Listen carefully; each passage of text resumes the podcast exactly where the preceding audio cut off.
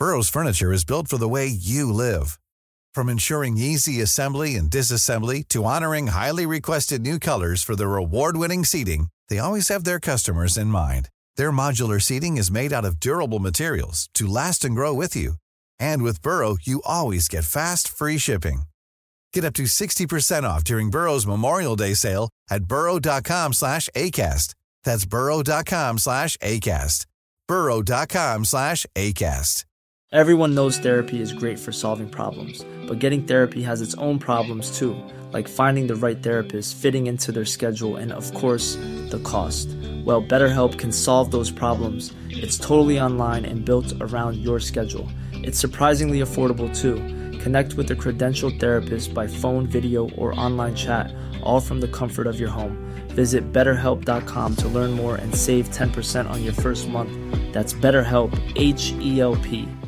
Hey, I'm Ryan Reynolds. At Mint Mobile, we like to do the opposite of what Big Wireless does. They charge you a lot, we charge you a little. So naturally, when they announced they'd be raising their prices due to inflation, we decided to deflate our prices due to not hating you. That's right. We're cutting the price of Mint Unlimited from $30 a month to just $15 a month. Give it a try at mintmobile.com slash switch. $45 upfront for three months plus taxes and fees. Promo for new customers for limited time. Unlimited more than 40 gigabytes per month. Slows. Full terms at mintmobile.com. For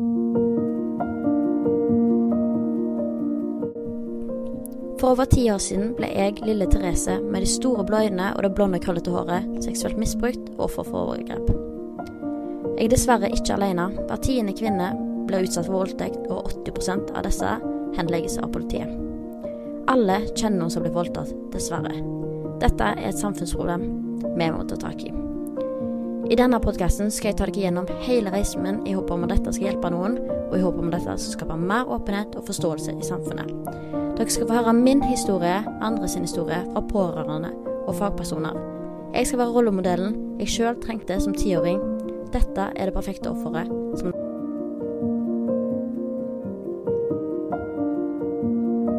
Hei og velkommen til en ny episode av Det perfekte offeret. Her kommer del to av praten min sammen med min store søster Charlotte, som var med gjennom mye i denne prosessen når det både kommer til Når hun fortalte om overgrepene, avhørene og tiden etter når det kommer til psykisk helse. Så her kommer fortsettelsen av samtalen, og hvis du ikke har hørt første delen, så anbefaler jeg deg å høre den først. Og det å bare være et menneske og møte den andre som et menneske og bare vise litt medfølelse Ja, ja, for det er jo den nærheten man trenger i det øyeblikket man får en beslutning i sin sak. Der man, man trenger den tryggheten, da. Mm. For mest sannsynlig, når du åpner det brevet, så er du kanskje mest sannsynligvis alene. Ja, jeg, Eller kanskje du har unger rundt deg som springer, eksempel. ja, jeg satt jo i eh, Jeg satt i bilen med pappa, for han hadde henta meg på jobb. For jeg hadde ikke klart å bestå lappen ennå. For jeg begynte jo Når jeg fikk, tok lappen de to gangene jeg strøyk, så hadde jeg jo mannlige eh, sensorer. Og jeg fikk jo helt panikk i bilen. Stemmer. Jeg klarte jo ikke å gjøre noe. Det var akkurat som jeg all, aldri hadde kjørt bil engang. For jeg skjalv jo når jeg skulle gire. Jeg skjalv jo på beina når jeg skulle Alt dette her. For at jeg Altså, jeg sitter i Det er så lite mellomrom av oss to. Og det sitter en mann der, og jeg sitter og går gjennom avhør om en person som har utnyttet meg på det groveste som en mann. Og jeg er livredd for mannfolk. uh, uh, så, kom, så måtte jo pappa hente meg, da, for jeg hadde jo slappet lappen. Alt dette greiene her. Og da hadde jeg jo med dette brevet, så jeg bare reiv det opp i bilen. For jeg var, jeg var jo nysgjerrig sjøl, så samtidig så hadde jeg et lite håp inni meg. Ja. Så jeg, jeg vil jo vite jeg, jeg, var jo, ja, jeg ville jo bare rive det opp, for jeg ville jo vite det. Og så ser jeg i det første ordet jeg ser, jeg jo henleggelse.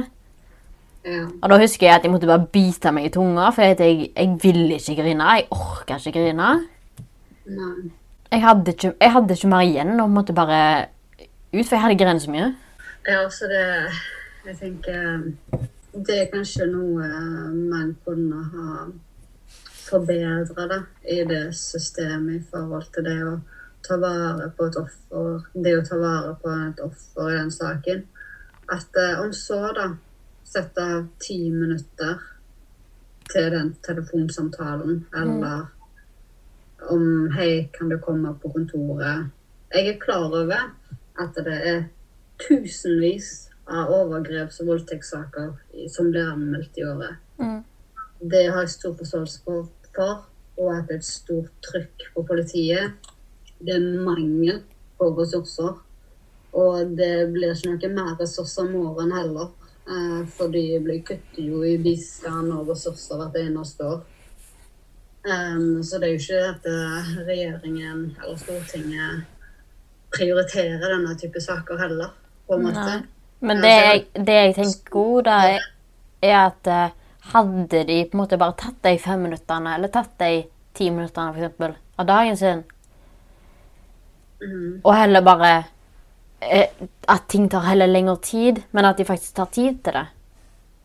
Hvis du skjønner hva jeg mener. Og at eh, Si det sånn, sånn som meg, da. Jeg begynte ikke å slite veldig psykisk før, før det på en måte hadde skjedd. Henleggelsen det var etter politigreiene jeg måte begynte å slite skikkelig. skikkelig, skikkelig. Men den, den, samt, den samtalen der, den kunne kanskje endra synet på ting, eller fått meg til å føle meg i hvert fall trodd. Ja, At jeg hadde blitt møtt med forståelse. ja. Jeg, hadde, jeg, kunne, kanskje, jeg kunne kanskje ha akseptert en henleggelse på en annen måte. Selvfølgelig. Iallfall når du henlegg, når du får henlagt, eller når du får det brevet, da. Et kaldt brev, på en måte, eh, som er skrevet svart på hvitt, så uh, vil jo det på en måte bekrefte tanker og følelser du har overfor deg sjøl i utgangspunktet, da. Mm. Eh, Det at eh, OK, jeg er verdiløs, jeg er ditt og jeg er datt og bla, bla, bla. Uh, sant? Mm. Ok, jeg, ta, jeg kan ta et annet spørsmål, da. Uh, hva er det vanskeligste med å være pårørende? Hvis du bare sier det kort. Uh, Det vanskeligste med å være pårørende Hvis jeg skal være ærlig, jeg syns ikke det er vanskelig å være pårørende. Uh, Nei. Uh, det er litt, jeg syns det er litt uh, Kanskje eh, det spørsmålet kunne vært at ja, hvordan er det å være pårørende? Og jeg syns ikke at det er vanskelig å være pårørende.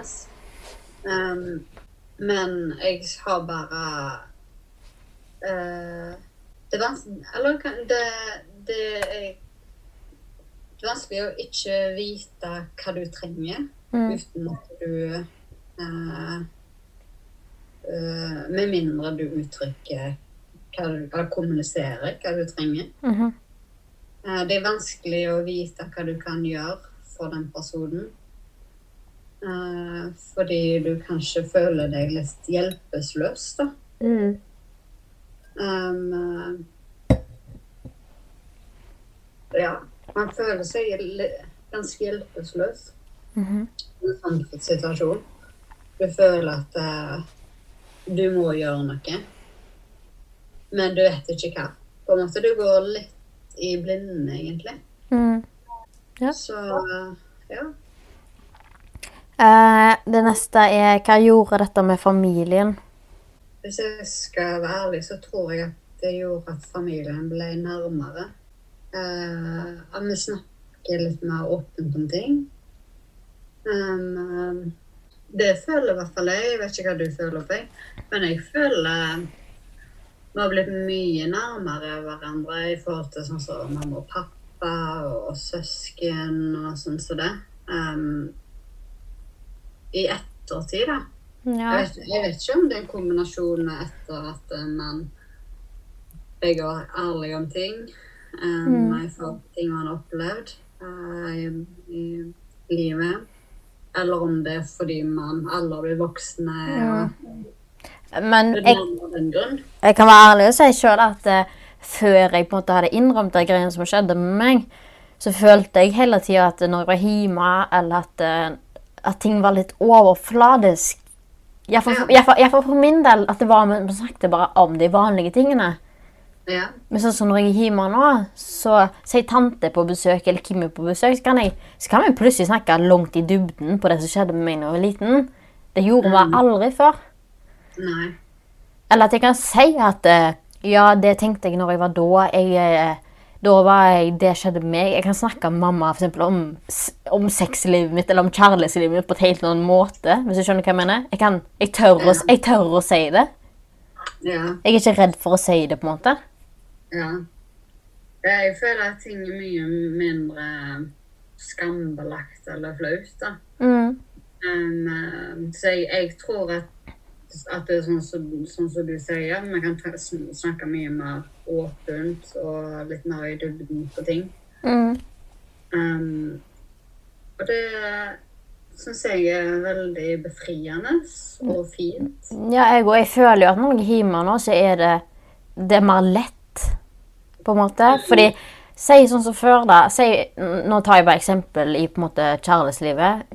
Eh, sånn som før, når jeg var i forhold, så har jeg aldri jeg har aldri sagt noe hvis ting har vært vanskelig, eller jeg har vært såra, eller jeg har vært lei meg, eller, eller jeg har vært, vært helt ute av meg hvis ting har skjedd. Ja. Men eksempel nå så kan jeg ringe mamma hvis jeg er helt ute av meg. Eller ringe deg hvis jeg er helt ute av meg, eller jeg er lei meg, eller noe har skjedd, eller et eller annet. Så kan jeg bare, da bare tar jeg det på strak arm. Ja. Det, det gjorde jeg aldri før. Nei. Da holdt jeg det heller for meg sjøl. Ja, sant. Ja, jeg, eh, jeg føler eh, Jeg har hatt en pose En veldig Hva skal jeg si? En veldig vond og traumatisk opplevelse har gjort at har gjort familien mye sterkere, da. Og tettere. Ja, sterkere og tettere sammen. Men, eh, Og så føler jeg på en måte at det er lettere å på en måte ta vare på hverandre. Fordi, absolutt. fordi vi er klar over at sånne ting skjer. Mm. Fordi det er så lett å tro at det skjer ikke de nærmeste. Ja, du tror og du håper at det aldri kommer til å skje, men uh, sannheten er jo at uh, man mest sannsynlig som vil jo alle kjønn, enten kjenner noen eller Mm. vet om noen som har eh, enten begått overgrep eller voldtekt, eller vært offer for voldtekt eller overgrep. Mm. Um, som er veldig trist å tenke på. Men det er så viktig å være åpen om det. Mm.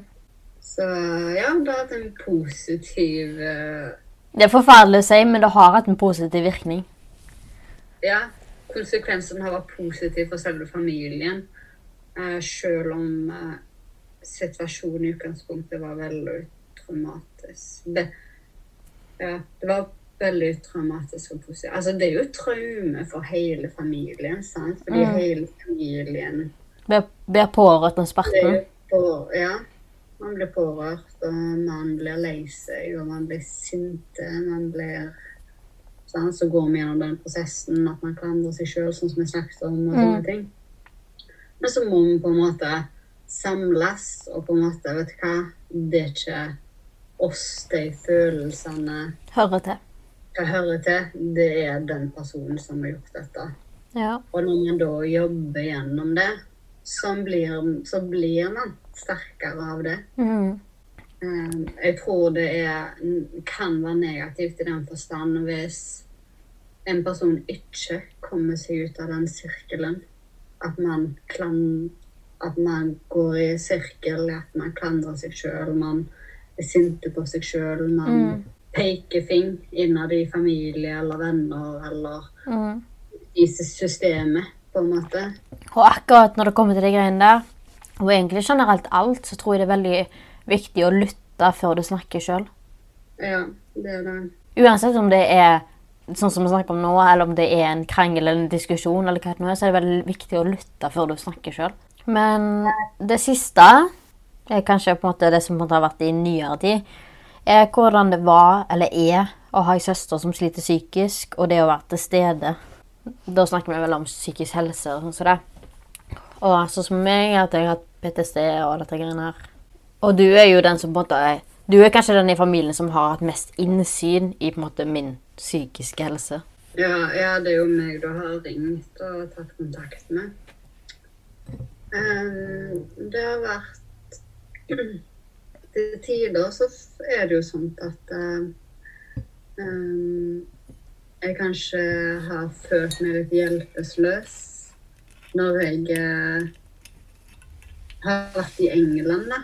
Og du tar kontakt, så føler jeg meg kanskje litt mer hjelpeløs i forhold til at jeg kan ikke gjøre noe annet enn å lytte.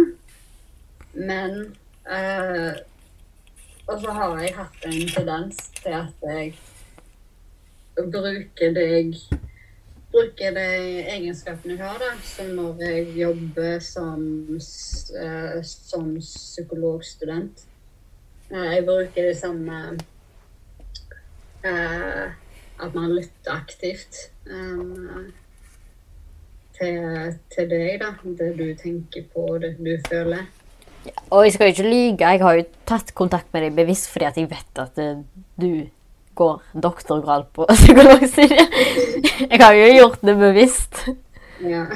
Det jeg, og det er jo fordi at jeg vet at du har kunnskap om det, og du kan forstå det på en annen måte som en, vanlig person ikke ville gjort. Mm. ja. Tenker på en litt annen måte. Og, Du, du tenker ikke på meg som at meg, Therese, du tenker på meg som det jeg sliter med psykisk. på en måte. Jeg kan hjelpe deg på en litt, eller støtte deg på en litt annen måte. Um, så det Jeg har jo hatt en tendens til å på en måte ta litt på meg den uh, behandlerhatten. Selv om jeg, jeg ikke har behandla deg. Um, så bare det å lytte aktivt, uh, spørre deg spørsmål jeg kanskje ville spurt en uh, pasient uh, som jeg som opplever har gjennomgått et traume eller, eller, eller har dårlig psykisk helse. Mm. For alle har jo mm, psykisk helse, men eh, god eller dårlig, på en måte. Det varierer jo, kan jo variere fra dag til dag òg. ja, at jeg på en måte har spurt litt spørsmål og sånt. Uh, jeg syns det var vanskelig i forhold til det å ikke Ja, at jeg kanskje har tenkt Ja, støtter jeg det godt nok? Jeg husker en gang du sendte meg melding fordi at du hadde mye skole, og så følte du, at du ikke strakk til. Ja. Det, det husker jeg en gang. Jeg du Ja. For da føler jeg at du kanskje hadde ringt Jeg tror du hadde ringt meg og sånt, og så hadde jeg ikke hatt tid til å svare deg, tror jeg. Mm. Um, eh, og da husker jeg at jeg hadde Ja, det tror jeg at det var du faktisk. Eh, og da følte jeg at jeg hadde litt større ansvar, da, for å stille opp. Eh, med tanke på Jeg visste hva type følelser du mest sannsynligvis Jeg kunne relatere meg til de følelsene du mest sannsynligvis hadde. Eh, altså, ingen har eh, like følelser. Nei, nei. Opplevelser, selv om man har gått gjennom det samme. Eh, eller noe av det samme. Um, eh, så uh, kunne jeg relatere Eller jeg kunne tenke meg til hvordan du kanskje følte deg. Og da følte jeg at jeg kanskje ikke strakk til fordi jeg hadde så mye skolearbeid og praksisarbeid. Mm. Og da ville jeg dele deg med det, og på en måte fortelle hvorfor jeg kanskje ikke var så tilgjengelig som jeg ellers ville vært. Mm. På telefon, da, eller på melding. Og det følte jeg var viktig for at du ikke skulle føle deg oversett. Um, for at du ikke skulle føle at eh, jeg ikke ville høre på deg, eller Mm. ikke være til stede. Så vil jeg være åpen med det at uh, dette er derfor. Um, Men sånn som den dagen eh, Du husker jo sikkert den, da, men da var du i England. Men det var, det var litt før bursdagen min. Og så hadde jeg Natalie på besøk. Fordi meg og henne på en måte feirte bursdagen min før jeg hadde bursdag. Eh, og så drakk vi vin, og vi hadde en fin kveld og alt dette her. Eh, og så plutselig ble, ble det litt sånn Jeg ble litt sånn depressiv på kvelden. Eller så var det Jeg husker Ja, men det var, det var rundt bursdagen min iallfall. Mm, og da husker jeg at eh, For da ringte vi deg senere på kvelden. OK. For da sendte jeg melding til legen min den kvelden. Ja, ja. Jo, ja. Mm, ja, for da jeg som oppfordra deg til det. Mhm. Men uansett, uh, så FaceTime meg det jeg gjorde den kvelden. Uh, og da snakka jo du med meg at jeg skulle sende, sende melding til legen min om at jeg ville bli henvist til psykolog. For da var jeg, da var jeg jo Det er den første kvelden jeg husker Jeg husker en kvelden veldig godt, for det var den første kvelden etter jeg måtte snakke med dere når hun hadde gått og alt dette her. Eh, og på bursdagen min når jeg, altså Selv om at jeg hadde det kjekt på måte før kvelden, så var jo på bursdagen min Da husker jeg jo at det Når jeg ble Jeg ble vel 19 da?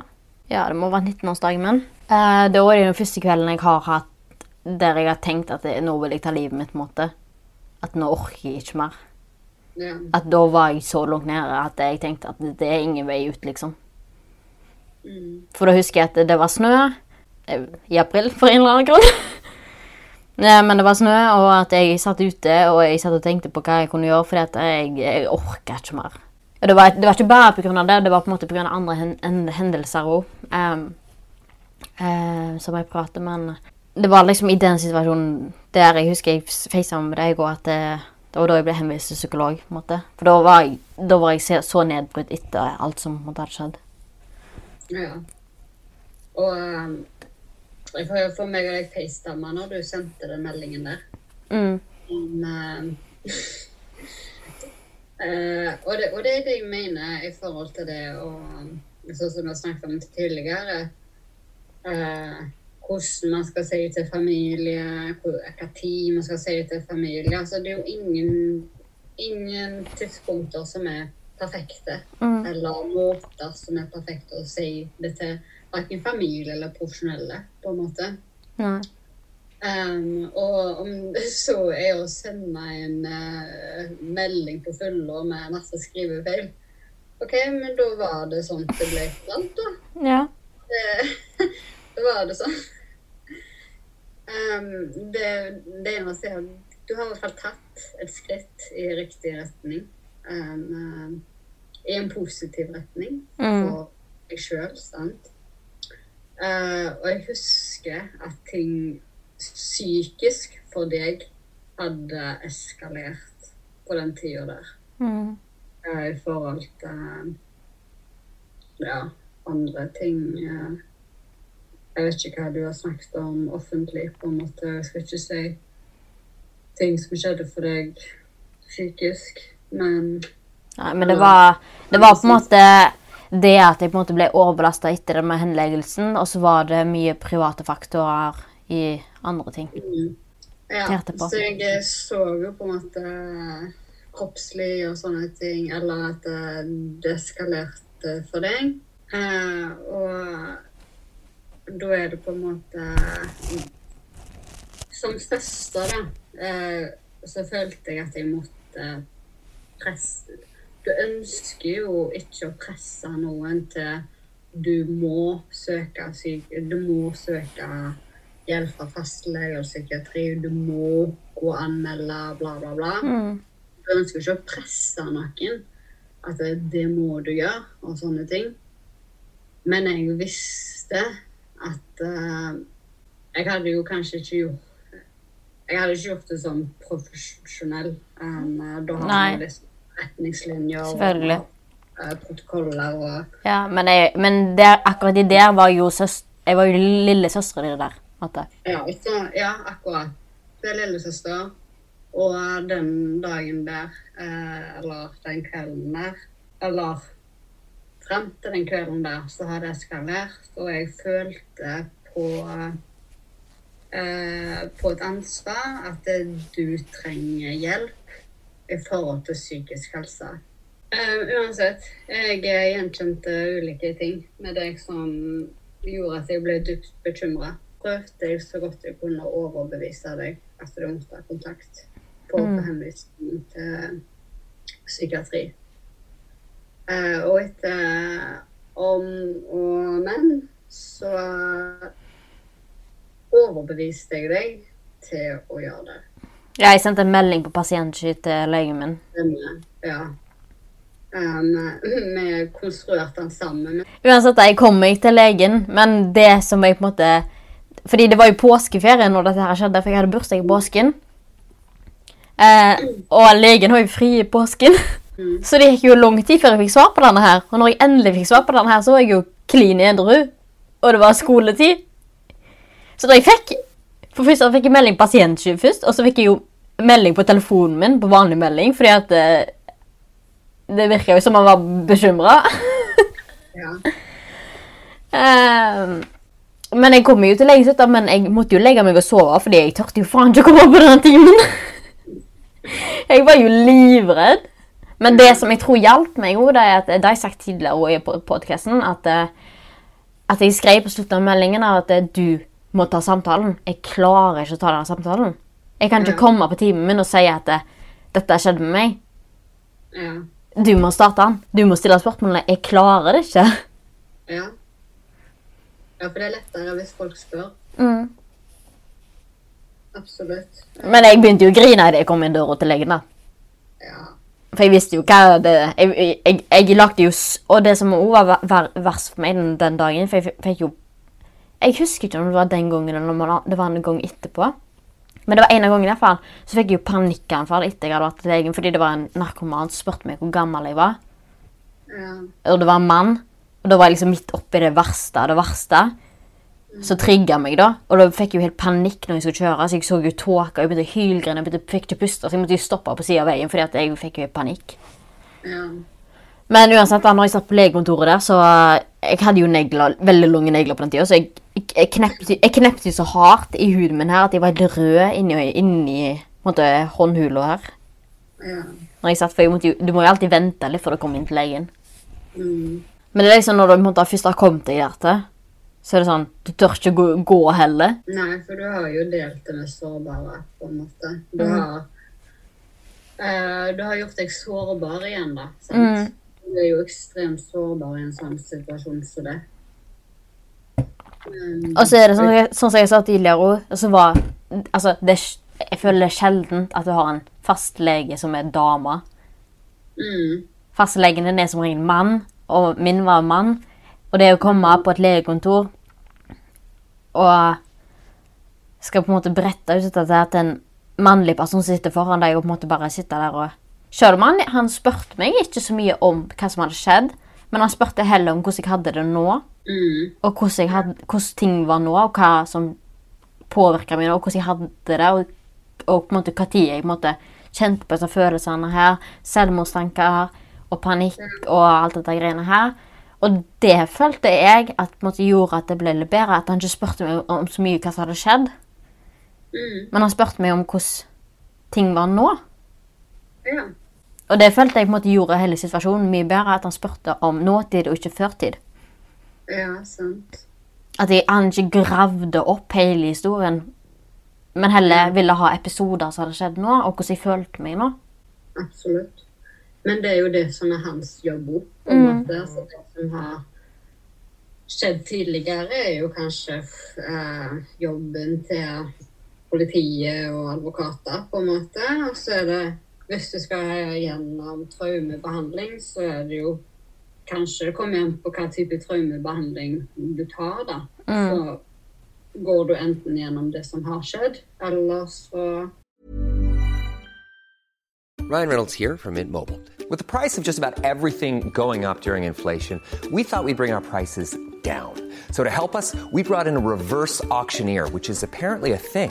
Mint Mobile unlimited premium wireless. Ready to get 30, 30, bit to get 30, bit to get 20, 20, 20, bit to get 20, 20, bit to get 15, 15, 15, 15 just 15 bucks a month. So, Give it a try at mintmobile.com slash switch. $45 upfront for three months plus taxes and fees. Promo for new customers for limited time. Unlimited more than 40 gigabytes per month. Slows. Full terms at mintmobile.com.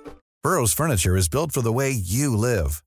From ensuring easy assembly and disassembly to honoring highly requested new colors for their award-winning seating, they always have their customers in mind. Their modular seating is made out of durable materials to last and grow with you. And with Burrow, you always get fast, free shipping. Get up to 60% off during Burrow's Memorial Day sale at burrow.com slash ACAST. That's burrow.com slash ACAST. burrow.com slash ACAST.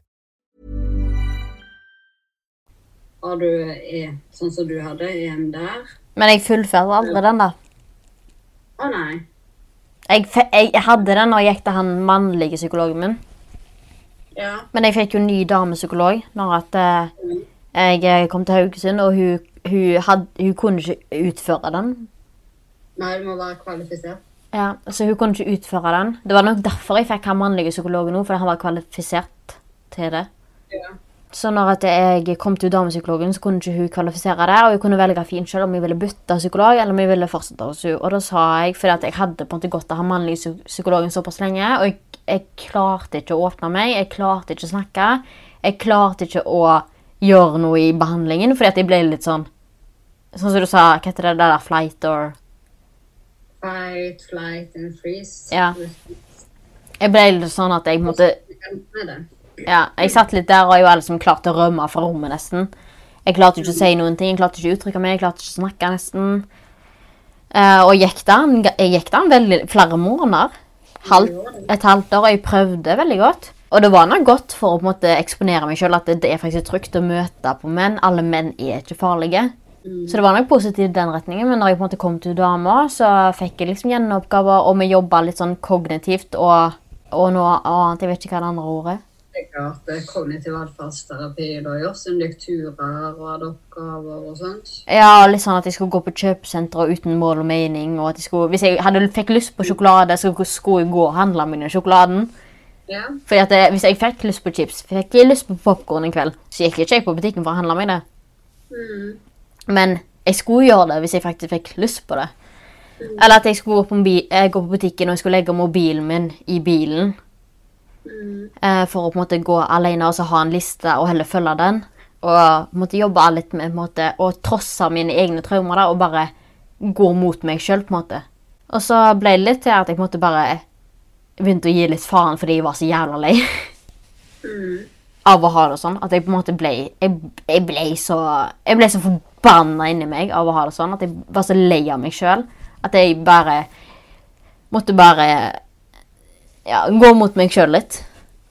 ja. Og så fant Men Og så ble det litt sånn til at jeg eh, Og så fikk jeg eh, sånn som nå For ikke så veldig veldig lenge siden, men så fikk jeg på en måte sovemedisin. Fikk hjelp til å på en måte sove og ikke sitte og tenke hele natta. Det hjelper jo. Men når vi har gått tilbake til f.eks. Det, er spørsmålet om hva så jeg hadde spurt om tidligere, hva det vanskeligste med å være pårørende? Så eh, syns jeg eh, at det var Når du ringte meg og fortalte at du har fått plass på DPS, og at du har fått mannlig psykolog Og så husker jeg at det, Kan du si det på nytt? Å få mannlig psykolog? Jeg husker jeg ble, jeg ble ganske frustrert da, over at du var mannlig psykolog. Fordi har du hatt en mannlig overgriper, så er det eh, strengt eh, anbefalt at du i hvert fall ikke skal ha psykolog av samme kjønn som overgriperen din var. Sånn er det i hvert fall i England. Og så når jeg gikk til han mannlige psykologen nå, så var det jo sånn etter og før jeg gikk til psykologen, så hadde altså Selv om jeg ikke hadde en psykisk Jeg kjente, jeg kjente på det psykiske òg, at jeg tenkte at eh, jeg, føl- jeg visste at jeg ble redd når jeg gikk inn i rommet. Jeg, jeg følte at eh, Tenk hvis han voldtar meg, tenk hvis han voldtar meg, tenk hvis han gjør noe, tenk hvis han spør meg om noe, om jeg kan kle av meg, eller et eller annet sånt som det. Fordi det er liksom så, sånne eh, Det er sånne scenarioer du setter deg inn i hodet. Men du kunne se det på hele kroppen min. Jeg begynte å hakke tenner før jeg skulle inn på timen. Jeg skjalv i hele kroppen. Og det gjorde jeg til og med etterpå jeg hadde vært der. Jeg har liksom videoer der jeg sitter Jeg har filma meg sjøl der at jeg ler, men jeg sitter og hakker tenner og skjelver i hele kroppen fordi at det, kroppen min er redd. Men jeg tenker ikke det samme. Jeg tenker noe helt annet, måte, men kroppen min reagerer på en måte. Ja, for du er jo den der freeze Det er jo den forsvarsmekanismen eh, i forhold til freeze, flight and flight response. At man tenker på offerets sikkerhet og trygghet, at personen skal føle seg trygg i de omgivelsene den skal være i. Eksempel hvis, hvis du er mann da, og er et offer, så skal du kanskje ha en mann da, som avhører eller en mannlig behandler. Eller nei, ja, hvis Hvis behand... Hvis øh, øh, Hvis eh, Jeg mener Hvis overgriperen er kvinnelig, for eksempel, så skal du kanskje ha en mann som er behandler, eller for eksempel. Fordi du er ikke redd for den delen av befolkningen, skjønner du hva jeg mener? Mm, ja. Du skal på en måte ha motsatt av den som motsatt kjønn av den som har gjort noe, da. Mm. Um, eller hvis du har blitt utsatt for begge kjønn, at, be, at uh, du har kanskje mor og far som overgriper. Mm. Så kan du spørre offeret hva kjønn vil du ha som behandler. Mm. Hva føles tryggest for deg? Men anyway, eh, det siste spørsmålet vi kan ta, er hva tenker vi for fremtiden? Hva er fremtiden for hva, tenker du? Eh, ikke når det kommer til meg, da, men nå tenker jeg sånn på samfunnet, sam, på samfunnet, liksom. Hva som er viktig der når det kommer til sånn som dette. Em, Om det er psykisk, eller om det er på en måte politiet, eller om det er åpenheten i samfunnet, eller hva. Jeg tror selvfølgelig at um, man går i Man er på, på vei i riktig retning i forhold til det med åpenhet. At man begynner å bli litt mer åpen om uh, uh, det at man har opplevd overgrep og voldtekter. Mm. Um, at dette er Dette skjer Mm. i stor skala. Eh, det er både kvinnelige og mannlige ofre. Mm. Nå er det jo mest kvinnelige ofre som er Det er mest kvinnelige ofre som åpner. På statistikken og sånt. På statistikken, ja, men òg som snakker ut verbalt om sine erfaringer. Um, eh, det hadde uh, Det hadde jo vært fint om det er menn òg som Ja. eh, Jeg håper at menn òg blir mer åpne etter hvert da, om sine erfaringer. For det er jo mange av de òg som eh, sitter inne med mye vondt. da. Mm. Eh, som òg kanskje er en del av denne økende selvmordsstatistikken blant menn. ja. Um, Fordi sånn som for jeg har kjent veldig på, er at ja, saken min ble henlagt, men jeg har iallfall en stor plattform. Jeg har masse følgere. Jeg har eh, folk som lytter på meg og sånn som det. Og da tenker jeg at eh, da kan jeg iallfall være det forbildet jeg allerede hadde på den tida. mm, stemmer. Og Og jeg tror at du har en eh, Eller jeg tror, jeg vet at du har en viktig stemme i det. mm. Og så Dette er veldig teit å si. Dette er en veldig teit tanke, egentlig. Men jeg tror på skjebnen. Ja? Ja. Og jeg tror at alt skjer for en grunn. Ja? Ja. Og hvis jeg skal på en måte se det med et større perspektiv uten å tenke på følelser, eller noen ting, så kan, jeg, kan jeg tenke, så kan, så kan jeg av og til tenke at det skjedde fordi at det, når jeg ble eldre, så kom jeg til å tørre å snakke høyt om det. Og at jeg skulle være et forbilde for andre. Jeg syns ikke det er teit å tenke på. Um, det er jo vondt at det må skje i det hele tatt, på en måte. Men jeg syns det er veldig bra at uh, du har snudd en veldig vond og traumatisk situasjon. Da. At du har snudd om det som har skjedd, om til noe positivt. At det, jeg har skjedd. Jeg har opplevd dette jævlige her. Men jeg kan bruke det som en styrke i at jeg kan hjelpe andre som òg har skjedd, som òg har opplevd det samme. Mm. Eh, For det tror jeg er veldig viktig. For det er sånn som du sier, at det er ikke alle som har det nettverket rundt seg. Et godt nettverk. Og da er det viktig at de har eh, stemmer ute i samfunnet da, som de kan relatere seg til Mm. på en eller annen måte. som kan, kan styrke deg da, er at du er ikke alene. Du føler deg kanskje alene, men du er ikke alene. Vi er flere, og vi er her for deg. Eh, Her er plasser du kan henvise deg til. Um, og du kan få hjelp. Um, så uh, hvis du strekker ut en hånd, så kan du få hjelp. Mm. Men selvfølgelig, hvis, hvis man ikke strekker ut til noen, eller hvis man ikke gir lyd fra seg, da, så er det veldig vanskelig å få hjelp òg. sant? Eh, det var noe ord jeg kom inn på i forrige podkast-episode. Jeg husker ikke hvorfor jeg kom inn på det.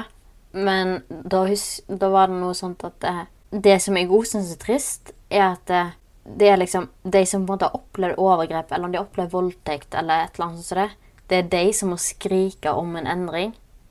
Ja. Det er ikke de andre. Det er ingen andre som skriker om det. Det er kun de som har opplevd det. Hvor er alle andre som vil ha en endring? For er det liksom de svakeste i samfunnet som må be om det? Mm. Ja, vi kjempe om det. Eh, og det er jo ingen andre Altså Om, om, sånn som sam samtykkelov, det sa du jo at det skulle bli for lenge, lenge siden. Hvor, den har aldri blitt noe av. Nei. Ja, den har de jobba med lenge, sier de da. Eller hvilket land Det var ikke noe som nettopp vedtok det? Var det et land som Det var Norge! Har de nettopp vedtatt den? Nei, det er jo lenge siden, men det ble jo aldri noe av. Ja, da er den- er jo ikke vedtatt, da. Nei, men de, de, vi jubla jo på Instagram, og alle organisasjoner la jo ut om dette her, men Nei, har, de, har han ikke blitt uh, din eh, Nei, hvis du går på Amnesty De la jo ut om det. Jeg la jo ut om det, den der samtykkeloven. Ja, Norge er det siste landet i Skandinavia som innfører samtykkelov. Ja, vi skal gjøre det i 2025. Vi skal utrede hvordan det skal innføres en endring i samtykkeloven, slik at ordlyden speiler seksuell omgang uten samtykke er forbudt og defineres som voldtekt. Ja, så i 2025, da. Den kommer vel litt for seint. skandaløst. Eh, flaut, syns jeg. At eh, Jeg vet ikke hva som man skal bruke på det. Jeg kjenner at jeg blir provosert. Um, eh, jeg prøver, for å si det sånn, de kan eh, eh, Stortinget kan bruke for meg millioner på advokater til seg sjøl og disse pendlerboligsakene sine. Eh, det eh, har jeg kjenner jeg blir rød i trynet av snakke om dette her. Men det å bruke ressurser på andre ting, det, ja, det bruker jeg ikke midler på. Jeg kan bruke midler på seg sjøl. Mm. Men det kan være en annen podkast. Ja, men det, det, det, men det var det liksom jeg mente med at eh, det er liksom de svakeste i samfunnet. Om det er dette eller om det er noe annet det handler om, så er det alltid de som må, må rope høyt om det. Ja, det er jo det. Um, eh, og det gjelder jo på en måte innenfor helsevesenet på en måte. sant? Mm. At det er alltid du, skal, du må alltid kjempe din egen sak. Og da er det de som på en måte ikke har et sterkt nettverk rundt seg, da. Som ikke kommer igjennom. det faller gjennom alle stoler. Mm. Uh, og de som ikke f.eks. har muligheten, de som ikke klarer å skape relasjoner, f.eks., og er nok av de som har andre psykiske lidelser eller psykisk utviklingshemming, um, sånne ting, Mm. eller sånne utfordringer, som kanskje ikke er like flinke på å skape relasjoner alltid Mhm. som faller gjennom alle stoler. Um, som eh, ikke har noen som kjemper for seg. Mm. Um, og det er jo utrolig trist. Mm. Så det jeg tenker vi kan ønske for fremtiden, er mer åpenhet, en lovendring, og at uh, vi skal møte mennesker. Ikke at brev med posten. Ja, ikke minst. Høyere strafferamme. Høyere strafferamme, bedre psykisk helsehjelp. At det gjerne kommer forebyggende. At allerede når du anmelder det, eller går til en bistandsadvokat, at det blir tilbudt psykisk helsehjelp. Ja, det tenkte jeg faktisk i dag. Mm. At eh, før, når du på en måte tar kontakt med politiet og ønsker å anmelde, at du får eh, enten kontaktinformasjon til helsetjenester, eller at du Eller at det er et samarbeid, da. Mm. Jeg savner et samarbeid mellom politi og helsetjeneste, da. Der det i forhold til voldssaker eller overgrepssaker voldtektssaker eh, Eller om det er fastlegen din. ja, at det på en måte er noe som fanger opp. At eh, Det sier seg jo sjøl at det er en person som opplever ting eh, i forhold til om det er vold eller seksuelt overgrep og voldtekt, at, eh, at det vil påvirke et menneskets psykiske helse. da. Ja. Det sier seg jo selv. Og det blir jo Altså, det er jo veldig vondt å gå gjennom et avhør og snakke om disse tingene i detaljer. Og i tillegg få en henleggelse på toppen av kaka. ikke minst.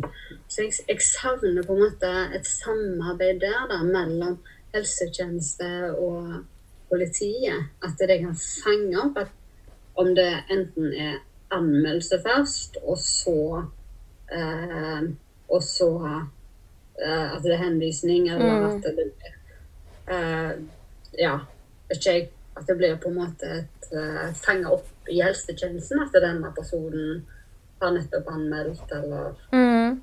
um, et eller annet, da. Um, Eller at du, du må du, Det blir på en måte krevet at du må på en time hos fastlegen din, eller et eller annet. mm. Eller et, et, et eller annet sånt. Eller at du må på en time hos en psykolog, bare for å vite at du på en måte er frisk nok. Skjønner du hva jeg mener? Ja, eller, eller for, bare for en støtte i timen, da. Altså konsultasjon, rett og slett. Ja. At uh, jeg vil uh, Jeg ønsker at du uh, Jeg anbefaler at du går på en time Mm. for å snakke om hvordan det var å være hos politiet, eller ja. Eller hvis du er hos fastlege først, eller eller ehm, Eller psykolog først, først. At du på en måte Det blir fanget opp i eh, systemet hos politiet eventuelt. At uh, du kan diskutere saken Mm. uh, uten å måtte anmelde. For du må ikke anmelde. Eller har du har du opplevd overgrep? Da? Det må jo selvfølgelig sies. Har du opplevd overgrep som barn, eller voldtekt som et barn, Eller voksen. Så kan politiet anmelde på vegne av deg. Mm. Men uh, Og så anbefaler vi jo å anmelde det. ja da, selvfølgelig. Uh, det er jo uten tvil. For, og, men det er jo ikke fordi eh, Og det har jeg diskutert med noen andre som Altså i mine relasjoner. At det å anmelde, det trenger ikke å bety at uh, Det kan være Det kan handle om det å på en måte avslutte kapittelet for seg sjøl, i den grad at uh, uh, Hva skal jeg si? um, Du får satt en strek, på en måte, på historien. Ja, i, den- i den grad at du plasserer ansvaret Hos ham. der hører til. At det, ja, det blir kanskje I de aller fleste saker blir det henleggelse. Er du heldig, så blir det tiltalelse, og det blir dom. Om det er samfunnsstraff, eller om det blir 20 dager i fengsel, eller om det blir tre år i fengsel. Eh, det jo varierer jo veldig. Um, men bare det å anmelde, bare der plasserer du ansvaret der det hører til. Og det ligger etter deg. Og det kan være For noen kan det være at du klarer å lukke døra litt, da. Ja. Det kan være med på å avslutte et kapittel. Sånn har det i hvert fall vært for meg. At eh, man lukker et kapittel på det, da. På den måten. Mm. Så det Altså, det Hva var det Ta det sammendraget igjen. Hva var det vi ønska? Vi ønsker at eh, det skal være mer åpenhet i samfunnet. At man skal bli møtt med, med et, som et medmenneske og ikke et brev i posten. Lovendring. Bedre psykisk helsehjelp. Og Ja, det er jo ønsker egentlig å styrke eh, st og straffene skal bli høyere. Ja, så Og- ja. Og i tillegg at uh, offeret skal klare å legge skylden der han hører hjemme, og, og som et tyveri. Eller om det var et bilkrasj. Du skal klare å sette skylden der han hører hjemme, og ikke hos deg sjøl. Ja, og det, og det, hører, det relaterer jo dette med anmeldelse Ja. og, og lovendring, da, kanskje. Mm. Um, og så håper jeg i forhold til innenfor det med at eh, det blir mer åpenhet, så håper jeg at, òg at uh, mannfolk som òg er ofre, klarer å finne sin stemme, da. Ja, og at det blir mer åpenhet når det kommer til mannfolk, gutter og den sida der. For det er veldig mye jenter som er åpne om det og deler om det. Men at det skal bli mer mangfold når det kommer til gutter. Mer stemmer når det kommer til det. Og at de skal kunne tørre å stå fram med det, da. Ja, For det er ikke bare jenter, det er mange gutter òg.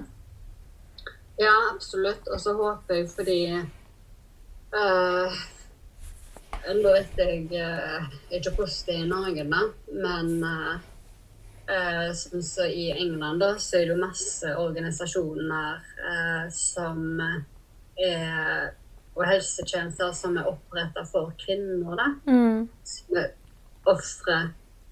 Eh, jeg er litt usikker på på en måte Det er jeg òg litt usikker på, for jeg er ikke så opplyst om når det kommer til på en måte guttesiden. Ja, men jeg, jeg skjønner jo at disse, disse chatteboksene og telefon, eh, telefontjenestene At de diskriminerer. Det er ikke Mm. sånn Women's Helpline eller noe Nei. sånt. Det er sånn ungdomshelsetjeneste eller Røde Kors og sånn. Så det, Ja. og så i, I England så er det veldig sånn Women's Organization, Woman Helpline og Mm. Det ligger på en måte ikke inne at eh, alle kan ringe. Nei. Det er det jeg syns er fint i forhold til helsetjenester, eller helsetelefonene, telefontjenestene som er, er hjemme. da. At det på en måte Man får et større inntrykk av at det, det er for alle, da. Mm. Men kanskje Jeg lurer kanskje på i forhold til det med mannlige ofre, om det kanskje hadde Vært det bra med en e- egen telefon. Ja.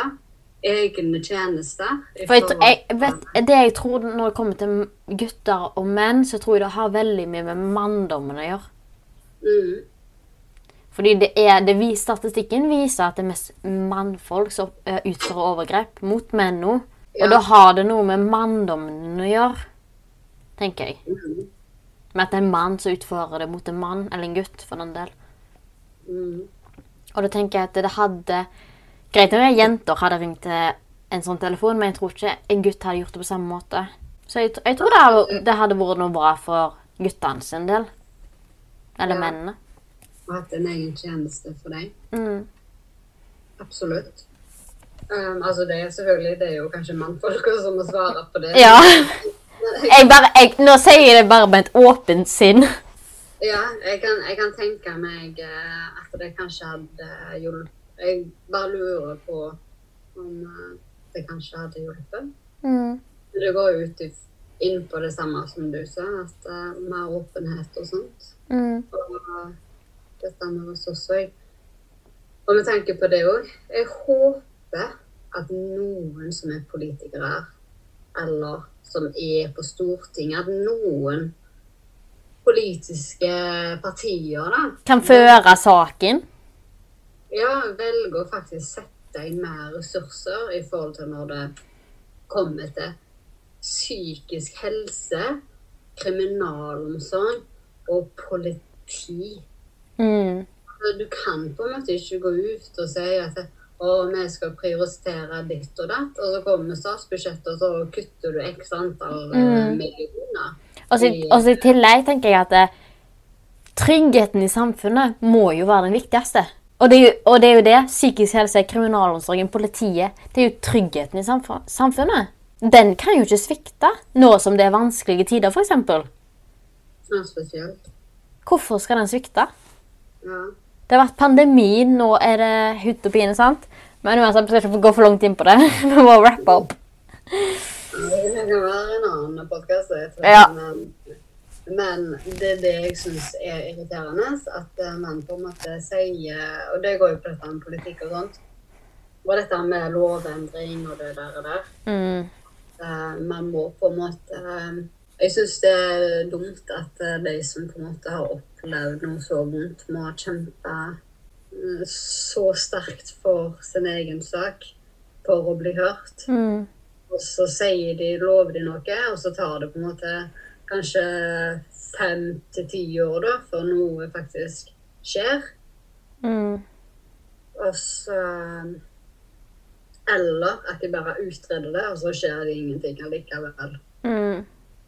Eh, ja, så i mellomtida så pøste de ut på milliarder av kroner til alle andre ting som eh, kanskje ikke like vittig, som ikke går på sin egen befolkning, men eh, andre ting. Ja.